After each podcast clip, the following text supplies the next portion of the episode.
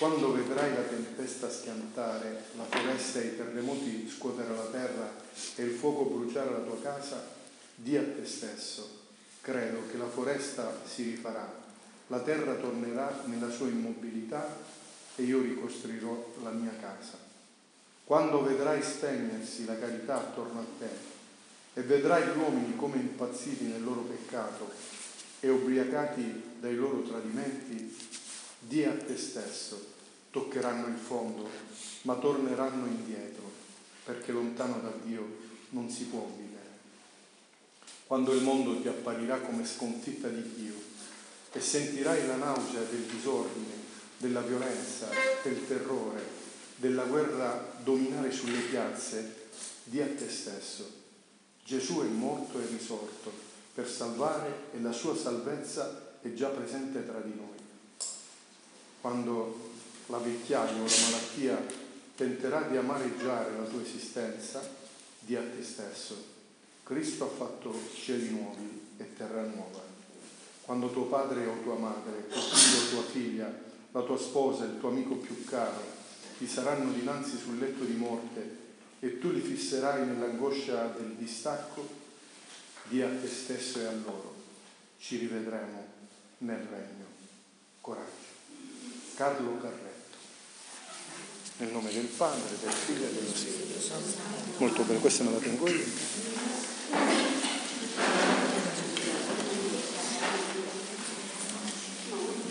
Ora se ho chiuso.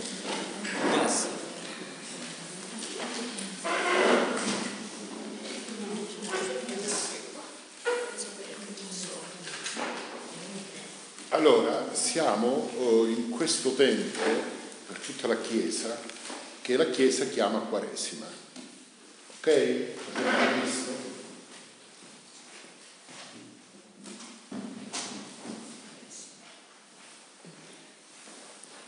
Poi abbiamo detto, la preghiera lo ha, l'ha sintetizzato, avete sentito, quando vedrai la foresta, quando vedrai che la casa l'hai persa, quando vedrai che gli uomini sono impazziti, hanno toccato il fondo, torneranno, cioè, quando vedrai un tuo parente, amico, eccetera, sul letto della morte, no?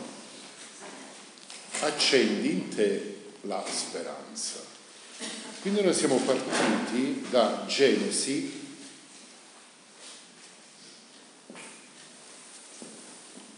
11, 1, 9 torre di Babele. E quindi abbiamo esaminato tutto ciò che nasce qui, che è il peccato.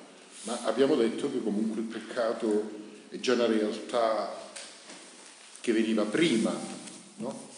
Abbiamo visto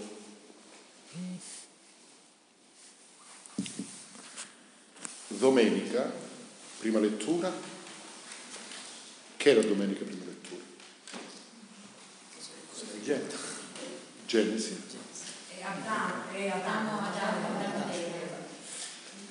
Abbiamo visto domenica Adamo ed Eva. E la Chiesa lo chiama il peccato originale. Poi abbiamo detto che questo cammino della Genesi, che si compie nella Genesi però, nella torre di Babele, è un cammino che ci porta alla Pentecoste, cioè la pienezza dello Spirito. Abbiamo detto Atti 2, capitolo 2. Cioè così eh, noi seguiamo un tracciato che è il tracciato scritturistico, il tracciato che ci dà la parola di Dio. No? E quindi non è più parola di uomini che è perfettibile, sì, giusto, sbagliato, la penso in un altro modo, è la parola di Dio. Quindi la parola di Dio è parola di Dio. Poi abbiamo concluso con il primo aspetto che riguarda la vita di un cristiano. E abbiamo detto che uno degli aspetti della vita di un cristiano è la preghiera.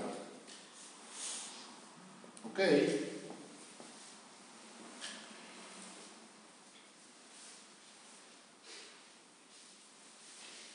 Qual è la preghiera che un cristiano deve fare? Quale? Ok. Stasera l'ho ribadito nelle mie terziarie. Sono i salmi, iniziato, iniziando dal primo. Perché? Noi dobbiamo seguire la regola, non possiamo andare io apro la Bibbia, quello che mi esce se la apro la Bibbia.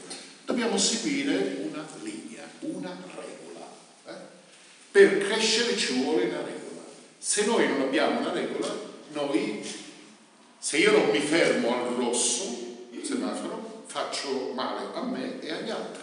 Se io vado per conto mio, vado per conto mio, non crescerò mai, quindi abbiamo bisogno di una regola. Che cosa c'è superiore alla regola o alla legge? Dio. Dio. Sì, Dio. E qual è la specificità di Dio? Qual è la natura primaria di Dio? Superiore alla legge che c'è? E se non ci fermavamo a dieci comandamenti o ai, o ai 636 decreti di, che ha avuto la legge, c'è qualcosa di più grande della legge che è l'amore.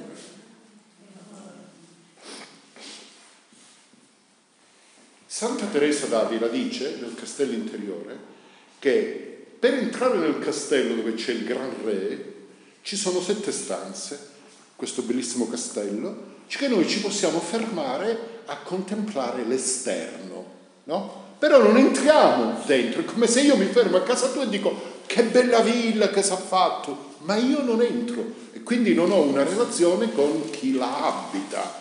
Noi dobbiamo imparare ad avere una relazione con chi abita, dice Santa Teresa, questo castello, eh? castello interiore, dove noi troveremo la perla che è Dio, Gesù. L'amore. Ma per arrivare all'amore dobbiamo imparare la fedeltà alla regola.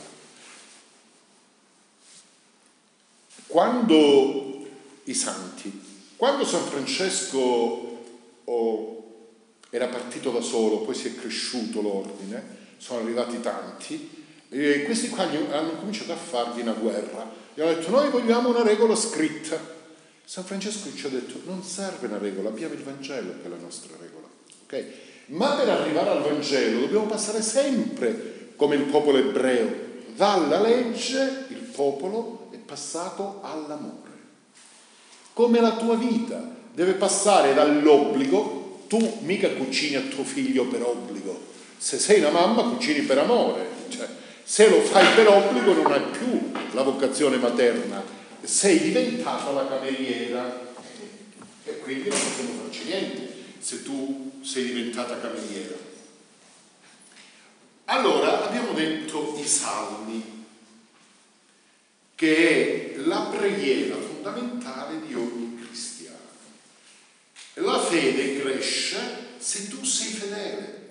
Se tu non sei fedele, la tua vita rimane, come dice Santa Teresa, fuori dal castello.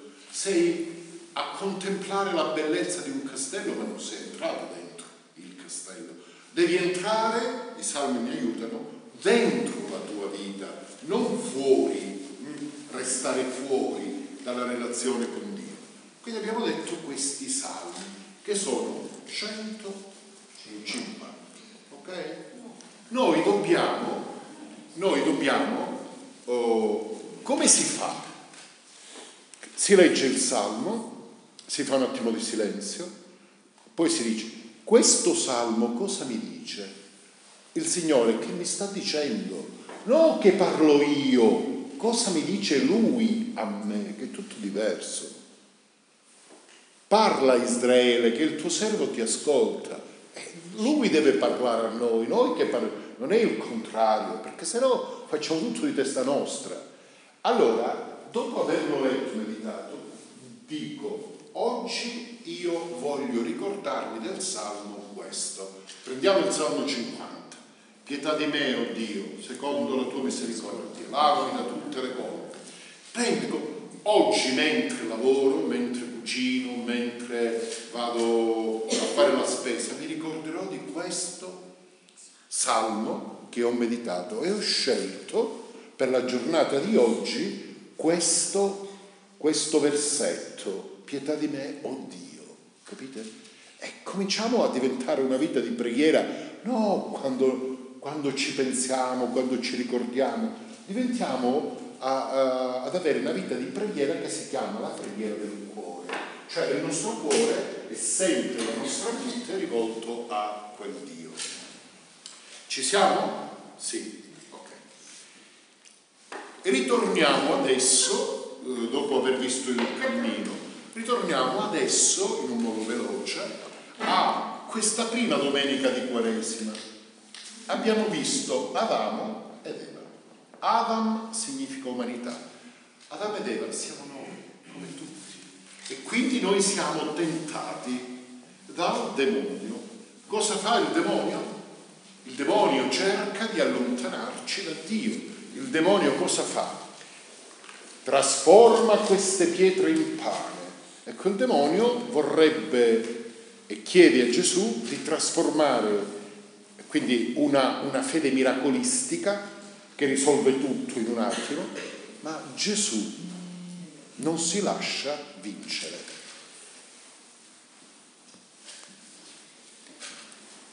Invece Adamo ed Eva si sono lasciati vincere, sono, sono caduti nella falsità.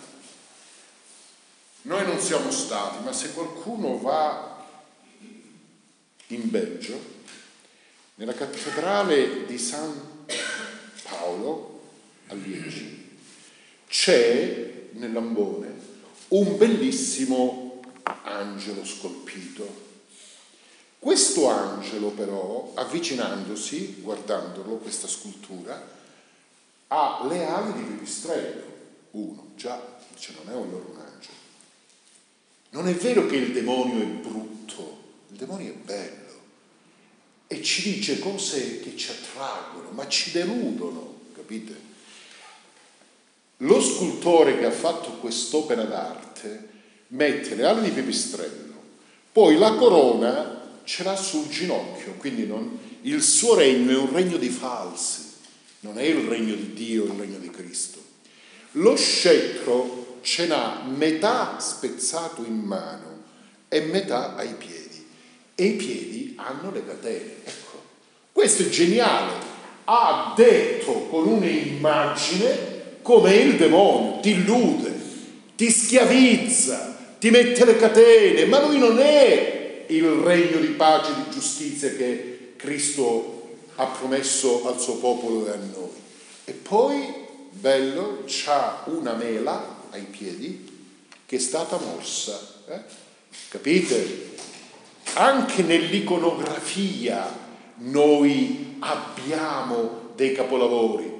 Satana ci attrae, ci illude, mangiate, che buona la mela dopo averla mangiata, si sono resi conto che erano nudi, avevano paura, è entrata la morte. Capite? Capite il meccanismo? Dobbiamo stare molto attenti perché oggi il demonio cerca di attrarci, eh? Di sedurci, potremmo ancora dire meglio. Adesso vediamo un attimo la prima lettura di questa domenica, col Vangelo della trasfigurazione. Vediamo, chi c'è eh, come personaggio principale nella prima lettura? Voi non siete stati ammessa, quindi non avete letto le letture, ma nella, prima, nella seconda domenica c'è Abramo.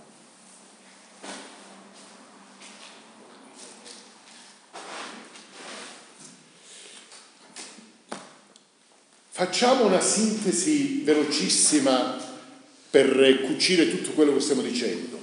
Chi è Abramo? Abramo è un uomo sposato felicemente, ma non ha figli. e quindi è triste. Ha tante cose come oggi, ma non ha un erede, un figlio. Abramo si porta dentro di sé una tristezza, come tante persone oggi, come tanti matrimoni, sono tristi. Dio fa ad Abramo una promessa, dicendogli, io ti darò un figlio. Sara, sua moglie, ride? Dice come io il figlio non l'ho avuto nel tempo giusto e perché Dio gli ha dato nella vecchiaia? Perché è semplice, il figlio te l'ho dato io quando tu figli non ne potevi avere. Capite Dio come ragiona? Perché noi anche davanti all'evidenza siamo increduli, come noi pensiamo che la nostra vita è la nostra vita, invece la nostra vita non è la nostra vita, la nostra vita è vita che ci ha dato Dio, perché noi spesso diventiamo i padroni le femministe, l'utero è mio e lo gestisco io. Noi non gestiamo niente. Noi siamo di per sé un dono. Ok? Sta di fatto che questo figlio arriva. Vedete, quando Dio dice una cosa, eh, realizza quello che dice, per questo è Dio Dio realizza la promessa che ha compiuto. Questo bimbo, Isacco, è la speranza, è la luce, è la promessa di un figlio in età avanzata, è tutto quello che il cuore di un padre poteva aspirare per un figlio. Ci siamo? Però c'è da fare un passo ancora indietro. Sara, che non aveva avuto figli, per un ebreo significava una vergogna. Dio ti ha castigato perché tu non hai generato vita. Quindi già questo fatto qui è un fatto eccezionale di Dio Dio ha fatto fiorire il grembo di Sara. Ma questo per dire che tutti i grembi li ha fatti fiorire Dio. Ogni grembo, ogni paternità è stato un dono e una fioritura di Dio. Ok? Adesso questo bimbo cresce, a un certo punto Dio umanamente noi diremmo è pazzo. Perché è pazzo? Perché mi dà un figlio e poi mi dice di ridammelo. Cioè, ma perché me l'hai dato se tu poi me lo, richiedi? Però gli aveva detto, noi siamo lontani mille miglia dalla logica di Dio. Poi lo cagliamo tutti. Dio gli ha detto, vedi Abramo, guarda le stelle del cielo, vedi se le puoi contare. Io ti darò una discendenza numerosa come le stelle del cielo. Pare che era iniziata questa discendenza, questa discendenza viene bloccata. Perché se tu mi chiedi il figlio, ma una promessa che mi darai un popolo, mi hai dato l'inizio della promessa e questa promessa comunque sta di fatto che tu adesso me la neghi. Ma questo, tutto questo bailava, perché? Perché noi dobbiamo avere sempre occhio e attenzione che le cose le fa Dio. Dio le fa le cose. Noi avremo la tentazione di impadronirci delle cose. Mio figlio, sì, ti sogni che è tuo figlio. è venuto da te, oltrepassa te. La mia vita, sì, è che quanto hai pagato per fare la vita? Noi siamo il dono di Dio, capite? Non possiamo appropriarci di cose che non sono nostre. Tant'è vero che noi con la morte restituiamo il dono ricevuto. Anche se il mondo non ragiona così, chiaramente. Però noi ragioniamo così. Va, prendi l'asino, carica la legna e porta sul monte il figlio perché me lo devi offrire in olocausto. Non si dice una parola in più. Non abbiamo saputo niente di quello che eh, c'è tra Abramo e Isacco.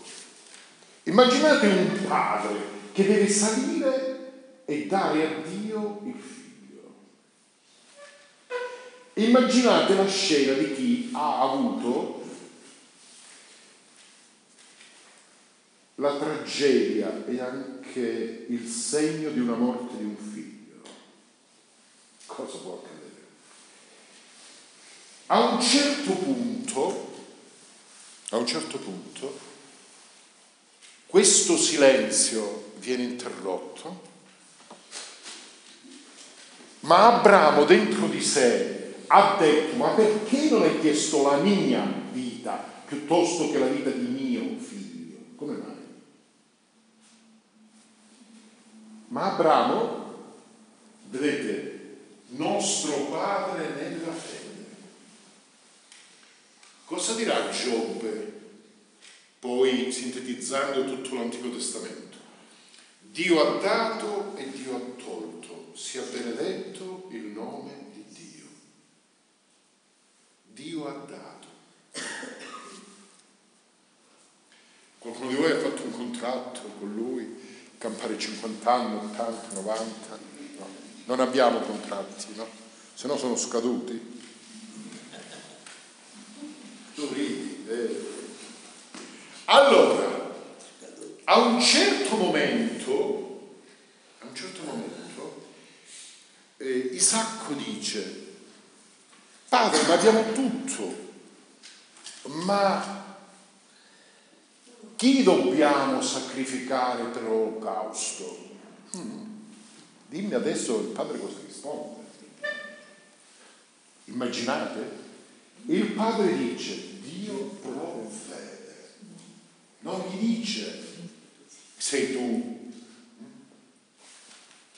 Quando Abramo ha incominciato a prendere il coltello, accendere il fuoco, eccetera, la pietra, eccetera, per l'olocausto, Dio lo ferma. Capite? Ma questo che vi fa venire in mente?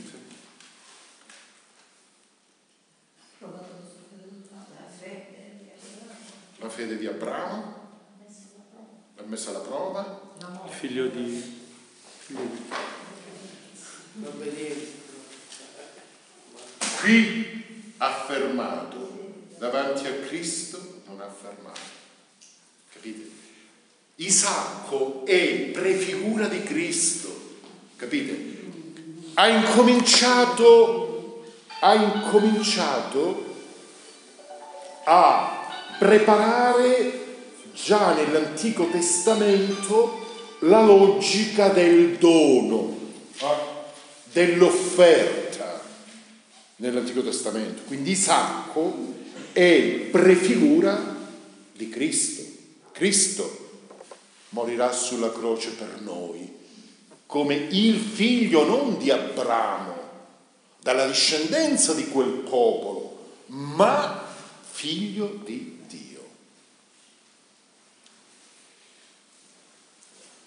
Ci siamo? Sì. Vediamo adesso un attimo, volo d'uccello, Vangelo. Il Vangelo siamo nella trasfigurazione.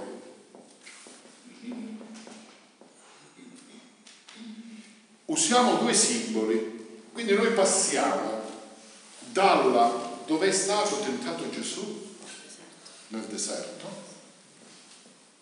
e passiamo e andiamo verso il monte. Abbiamo due immagini. Cioè se io mi voglio ricordare il cammino quaresimale, ho già due grandi icone. Deserto, monte. Deserto, Carlo Carretto, quello della preghiera che abbiamo letto prima, ha scritto un bellissimo testo, il deserto nella città. Cioè non è che dobbiamo andare nel Sahara, il deserto lo possiamo vivere anche a casa nostra, nella nostra comunità. Il deserto è dove l'uomo rimane solo per cercare Dio. No? Il deserto è il luogo dove, dell'essenzialità, il deserto è il luogo della non vita. E proprio perché è il luogo della non vita, lui diventa il vivente. È, è come un po' quel grembo. Il grembo di sale e stelle arriva Dio e quel grembo lo feconda. Fiorirà il deserto. Il deserto con la venuta di Cristo è fiorito. Il deserto in questo caso è la tua vita, capito? Tu sei arido come il deserto, sei solo come il deserto. Monte. Gesù sale sul monte e chiama tre con lui. Poi sul monte ne trova altri due.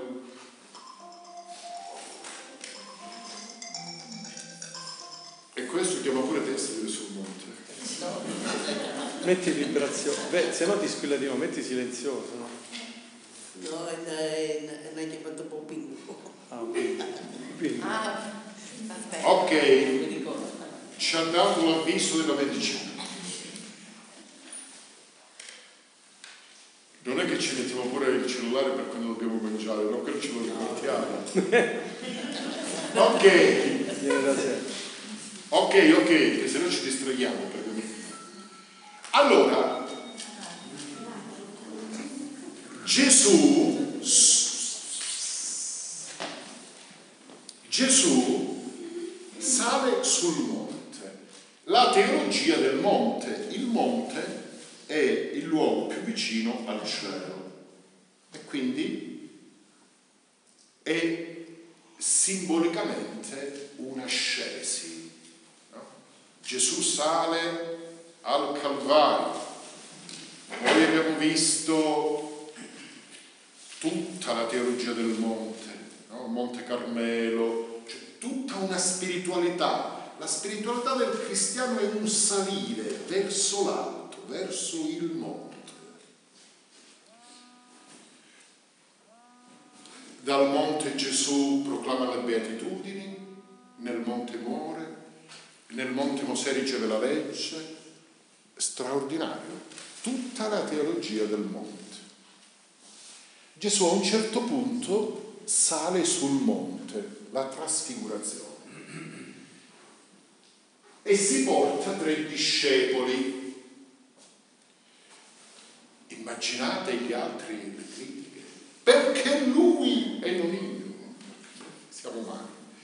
Ecco pure Gesù ha le preferenze, cioè queste preferenze, cioè, bale, balenano sempre nella Chiesa le preferenze.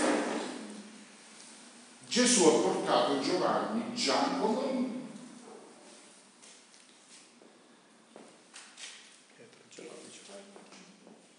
Poi?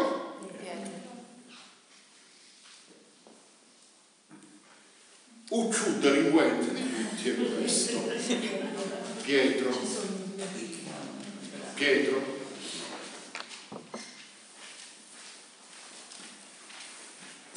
Tu si parla di delinquente scarso.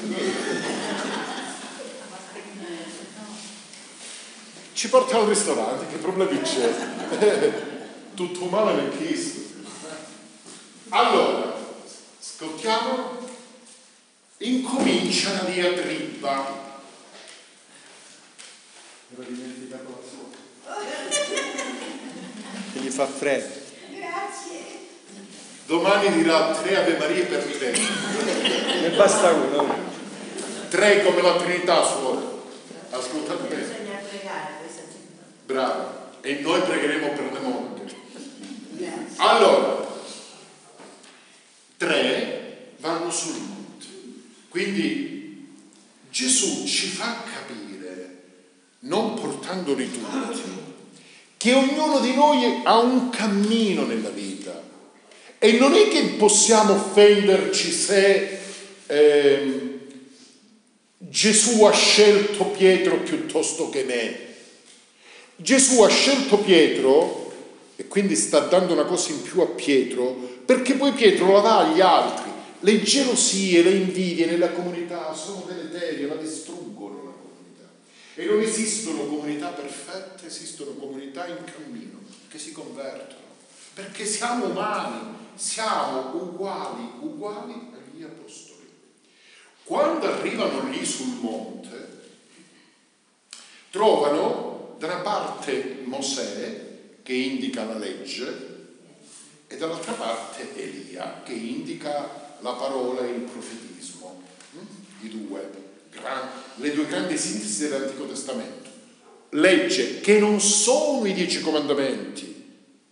Se voi leggete eh, l'Antico Testamento ci sono 632 decreti per Israele. Addirittura se qualcuno gli presti il mantello la sera restituiscilo, cioè, ci sono proprio, Dio si interessa di, co- di cose particolari.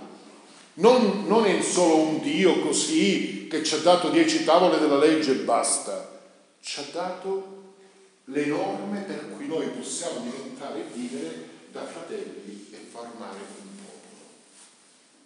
popolo. Lì eh, Gesù si trasfigura, non fa un'azione magica, cioè come noi pensiamo, non è il numago. La trasfigurazione è l'evento per cui noi passiamo da una vita normale, fisicamente e spiritualmente vissuta sulla terra, in una vita di gloria. Questa parola ancora non ci dice niente. Una vita bella, capite?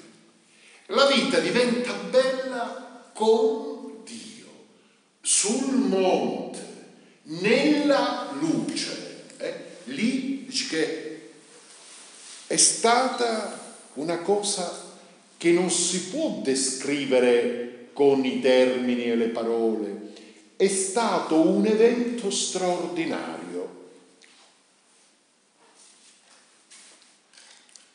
Martini, il cardinale, ma facendo tesoro della teologia ortodossa, dice che la bellezza, quindi la gloria, salverà il mondo. Dice sì, è bello, Gesù si trasfigura, ha fatto cose straordinarie, bellissimo. Ma queste cose e il senso della bellezza lo devi avere pure tu. Noi siamo nella terra per imparare la bellezza del cielo e vivere però contemporaneamente il cielo sulla terra. Non è che siamo angeli. Quindi questa bellezza, questa gloria, Gesù la fa vedere a queste tre persone. Gli ha dato un segno iniziale di quello che sarà la sua resurrezione. Dice questi poi si impovereranno, scapperanno, io gli faccio vedere un evento che poi è l'evento compiuto nella gloria della resurrezione. La trasfigurazione è il senso compiuto della bellezza, della gloria. Bello? Certo, devi avere il gusto del bello, bello come aggiusti la tavola, bello come ti vesti, bello come educhi i tuoi figli, bello nel parlare, devi avere Oggi noi siamo diventati tutti sciattoni, così una cosa, noi dobbiamo avere il gusto del bello nella vita. Ma questo non significa estetismo, dobbiamo avere il gusto de, de, de, sto dal parrucchiere tre ore. La bellezza non è, come dire, solo un fatto eh, del parrucchiere, è un gusto per la vita, è un'attenzione per la vita. È, è qualcosa che il gusto per le cose belle della vita, che non significa essere ricchi o essere chissà cosa, avere il gusto delle cose belle. Questo ci fa capire la trasferenza. la trasfigurazione, e ci dà la bellezza compiuta di quello che sarà l'eternità, la gloria, la luce, la bellezza diffusa. E di tutta questa bellezza Dio ci ha posto oh, dentro il mondo che eccetto i disastri che abbiamo fatto noi è la bellezza. Dice l'Antico Testamento, come mai le creature attraverso il creato non sono arrivati al creatore. Tutti, guardando la bellezza del creato, dicono che cosa meravigliosa e come sarà grande il creatore rispetto alla creatura, no? Ci siamo? Sì. Quindi abbiamo dato il flash a quella che è la, la prossima domenica. Gusto per il bello. E il gusto per il bello è anche nelle, in una povertà. Non significa avere soldi, essere ricchi e comprarsi le maglie firmate. No. Non significa questo. Significa un'altra cosa. Significa, tanto per farci capire meglio, avere l'attenzione alle cose, alle persone eh? imparare un sé, il cristianesimo, diceva Giovanni Paolo II, porta la civiltà dell'amore, è l'amore che mi fa muovere, mi fa agire, mi fa avere il senso dell'ordine, della bellezza, della creatività della vita, della fecondità della vita. Ci siamo?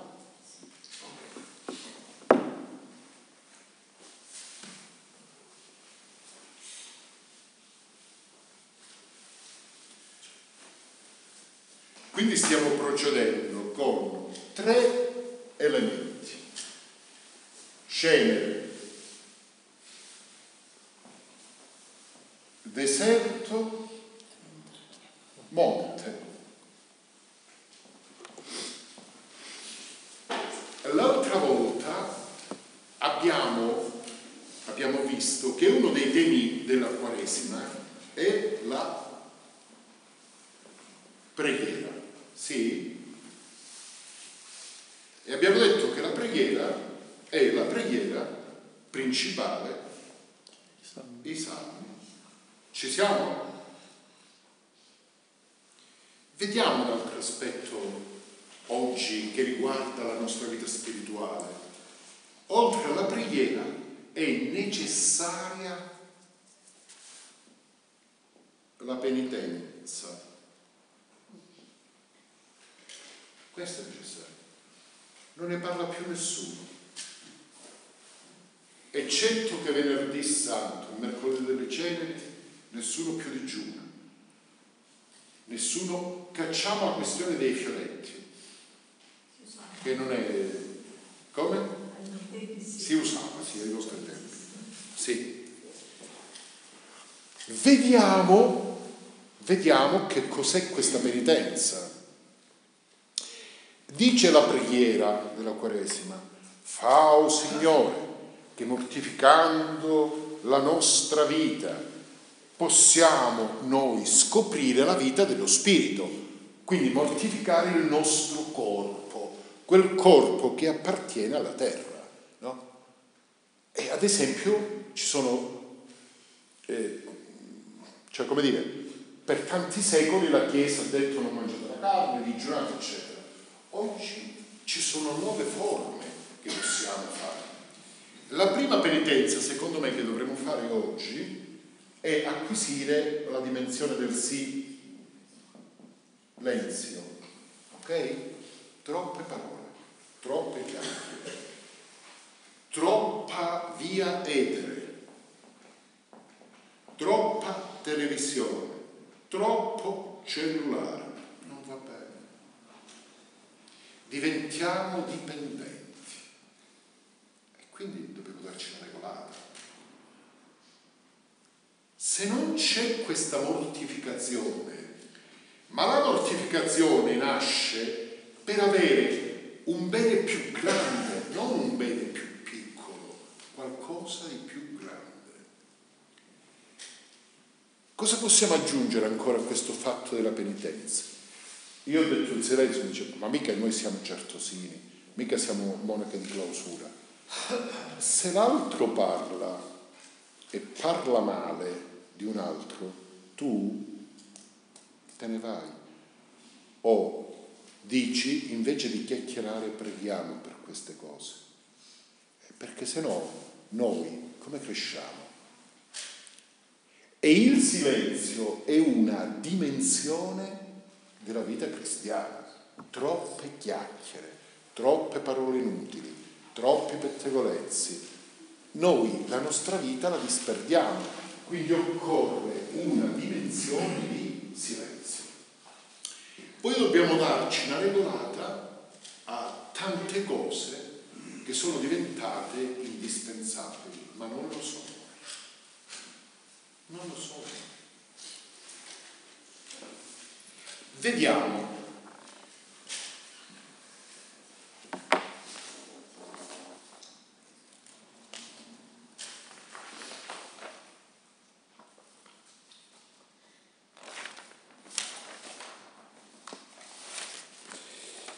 Volevo un attimo, ho controllato, volevo un attimo oh, ricordarvi che San Leone Magno dice che grande, il più grande digiuno è quello del peccato. Quindi dobbiamo digiunare dal peccato. Ma basta solo digiunare dal peccato? Dobbiamo cercare di capire una cosa molto importante.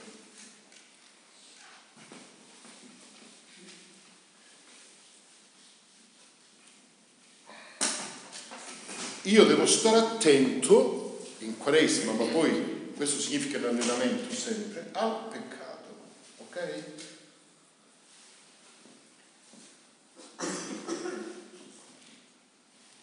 Ci siamo? Io devo stare attento al peccato.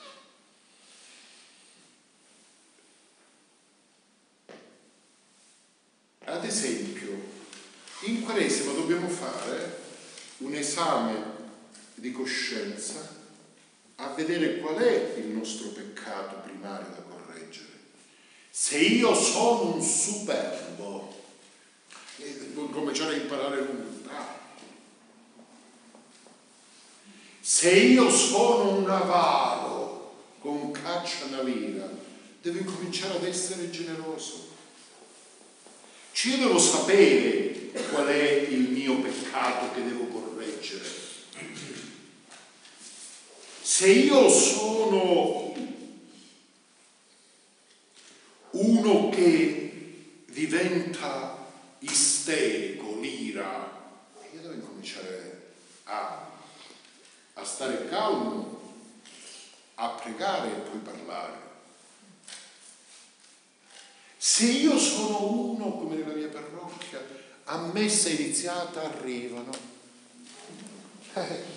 Ti dico che devi andare a messa 5 minuti prima. È un ritardo, una volta può capitare. Eh, cioè non è che se io sono uno che si vede il grande fratello, non essere possibile. E se io, non so, vi sto dicendo che dovete correggere il peccato principale che avete, perché se no gli anni passano e questo peccato non si corregge. Se io sono uno, vediamo un peccato strano, accidia.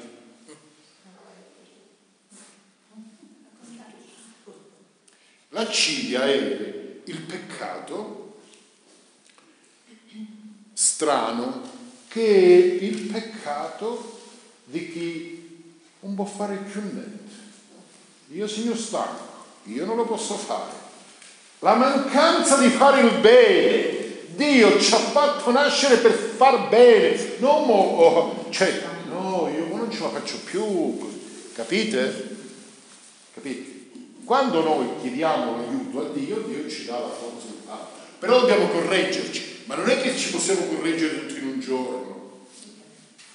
Dobbiamo cominciare a dire, E oggi rispetto a ieri faccio questo sforzo, domani ne devo fare due, poi tre, e, e così via di, via di sempre. Io sono uno che nutre odio, ecco mio. Devi incominciare ad esercitarti nell'amore, non nell'odio. Io sono uno che va a mettere liti tra la gente, ma tu si dice, ho saputo, devi fare silenzio. Torniamo alle cose di prima. Allora, abbiamo visto l'altra volta la forza della preghiera della Quaresima. Questa volta stiamo vedendo quali atteggiamenti dobbiamo usare perché in noi nasca quella parte di noi mortificata possa far nascere in noi la vita dello Spirito.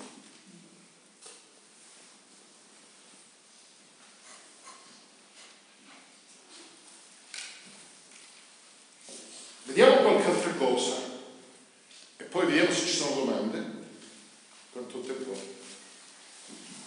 Dieci minuti, in tutto per concludere. Allora, vediamo, vediamo un'altra cosa. Eh, le relazioni. Eh, tra figli, marito, moglie, suocero.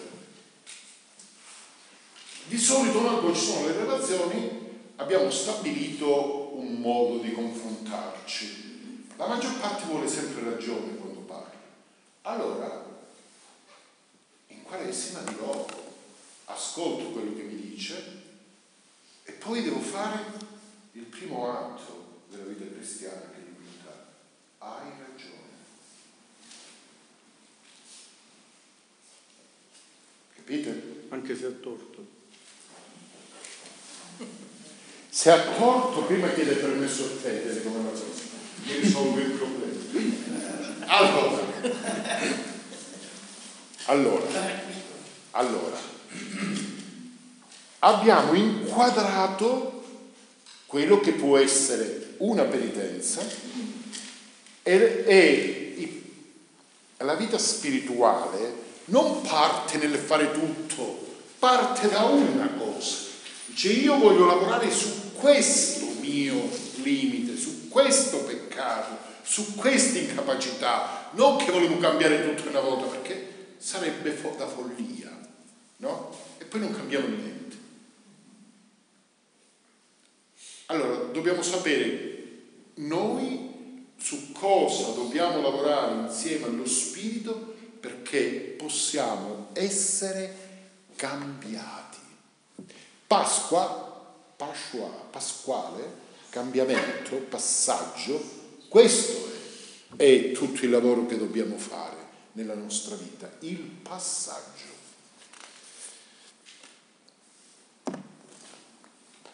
Trova Matteo 17,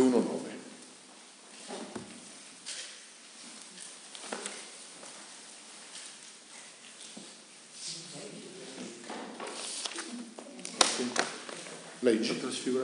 Sì. Sei giorni dopo Gesù prese con sé Pietro, Giacomo e Giovanni, suo fratello, e li condusse in disparte su un alto monte e fu trasfigurato davanti a loro. Il suo volto brillò come il sole e le sue vesti divennero candide come la luce. Ed ecco apparvero loro Mosè ed Elia che conversavano con lui. Pietro prese allora la parola e disse a Gesù, Signore, è bello per noi restare qui. Se vuoi farò qui tre tende, una per te, una per Mosè e una per Elia. Egli stava ancora parlando quando una nuvola luminosa li avvolse con la sua ombra. Ed ecco una voce che diceva, Questi è il figlio mio prediletto, nel quale mi sono compiaciuto, ascoltatelo. All'udire ciò, i discepoli caddero con la faccia a terra e furono presi da grande timore. Ma Gesù si avvicinò e toccatili disse, alzatevi e non temete. Sollevando gli occhi non videro più nessuno se non Gesù solo. Allora, la conclusione di tutto questo, abbiamo letto,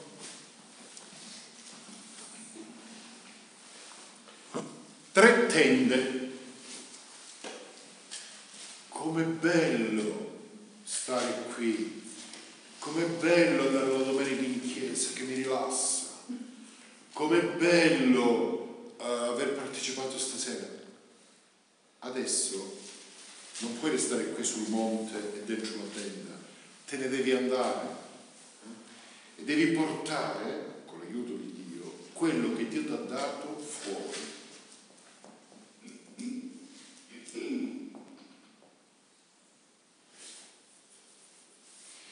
Ad esempio, nella Chiesa, eh, tanto io non conosco nessuno, quindi posso parlare, parlo della mia Chiesa. Nella Chiesa di solito ci sono anche le tende. Che vuol dire che ci sono le tende? Che ci sono delle persone che hanno preso un ruolo e se tu gli dici una cosa nuova, dice, e se fatto sempre così, cioè capite? Questo è impensabile. Questo è impensabile. Noi dobbiamo essere... Sempre si muove a leggere. Sì, sì. Scusa. Noi dobbiamo, e che quello che gli sto dicendo si è un po' impressionato, e quindi gli è venuto un attacco, un attacco di... allora, che stiamo finendo, dai. Allora, le tende non vanno bene. Com'è bello per noi restare qui, ah, che pace, lontano dal marito, i figli. No, non è cosa. Gesù ti manda a, fuori dalla tenda. Capite? Noi vorremmo un rifugio, belli tranquilli. Invece il Signore ha detto no. E se voi avete sentito bene la lettura, dice Gesù restò solo. Ecco perché io ho iniziato dicendovi la prima cosa, devi trovarti spazi di solitudine. Non stare troppo tra i chiacchiericci, le parole, le vanità della vita. Impara a stare bene con te stessa o con te stesso trovati spazi di silenzio, trovati spazi per cui puoi già da questa vita conoscere il Signore. E stasera il Signore si è, diciamo, si è rivelato a noi attraverso quella parola, la trasfigurazione, allora il rischio sarebbe di quello di dire com'è bello. Sì, Gesù è stato bello, ma adesso questo lo devo vivere dove? A casa mia, lavoro, con gli altri, cioè, perché se no, se noi non stiamo attenti, costruiamo una fede intimistica. Ah, come sto bene io col Signore! Sì, ma devi stare bene anche con i tuoi fratelli. Non possiamo stare bene solo col Signore. Capite? Ecco perché Gesù dice ai tre incominciando con quello che poi diventerà successore, colui che guiderà la Chiesa, Pietro, dovete scendere. I nostri cristianesimi sono stati tutti messi non nella tenda, sotto il campanile. Cioè noi abbiamo paura del mondo, abbiamo paura di dire agli altri quello che viviamo, abbiamo paura di dire che siamo innamorati di Gesù, abbiamo paura, abbiamo paura. E tant'è vero, tant'è vero, nelle nostre chiese al 90% sono rimasti vecchi. I bambini che se ne la comunione nella Chiesa, i vecchi che se ne raccomandare l'anima a Dio e che tutto il resto è scomparso. È scomparso, cioè è scomparso. Allora, di chi è la colpa? Di tutti, di tutti. Noi, noi dobbiamo diventare discepoli, coraggiosi, dobbiamo diventare persone non più brave degli altri, perché non lo siamo questo, però dobbiamo diventare persone che dicono al mondo, oh, come Paolo, no? Non sono più io che vivo, ma è il Signore che vive dentro di me. Noi non abbiamo fatto niente. Per grazia di Dio siamo quello che siamo, mica è per opera nostra. Allora ecco perché ci serve questo cammino quaresimale che parte da a Torre e arriviamo dove? Alla Pentecoste. E la Pentecoste è opera dello, dello Spirito, capite? Quindi, vedete, stiamo cercando di capire il peccato, prima abbiamo detto che dobbiamo fare l'esame di coscienza, per arrivare poi a Pasqua e a Pentecoste per essere persone Nicodemo che vi fa venire in mente? Nicodemo. Nicodemo è Nicodemo, con carattere, come ha detto il nostro arcipretissimo Don Osvaldo, grazie per Sentite, la vita è tanta triste. Ogni tanto sorridiamo, eh? quindi eh, case no, sembra che tutto il peso del mondo ce l'abbiamo noi sulle spalle. E poi siamo i primi che dobbiamo correre dallo psicologo per farci curare. Quindi ridiamo e prendiamo la vita anche dall'alto. Ecco. Allora, Nicodemo era uno che andava a trovare Gesù di notte, che aveva paura della gente, perché nei nostri paesi e siamo terrorizzati di quello che dicono l'altro.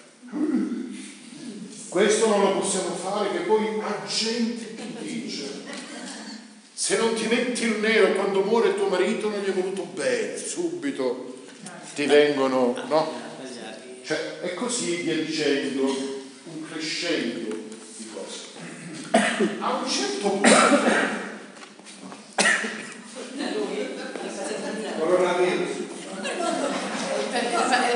alla fine ti vorremmo tutti baciare no?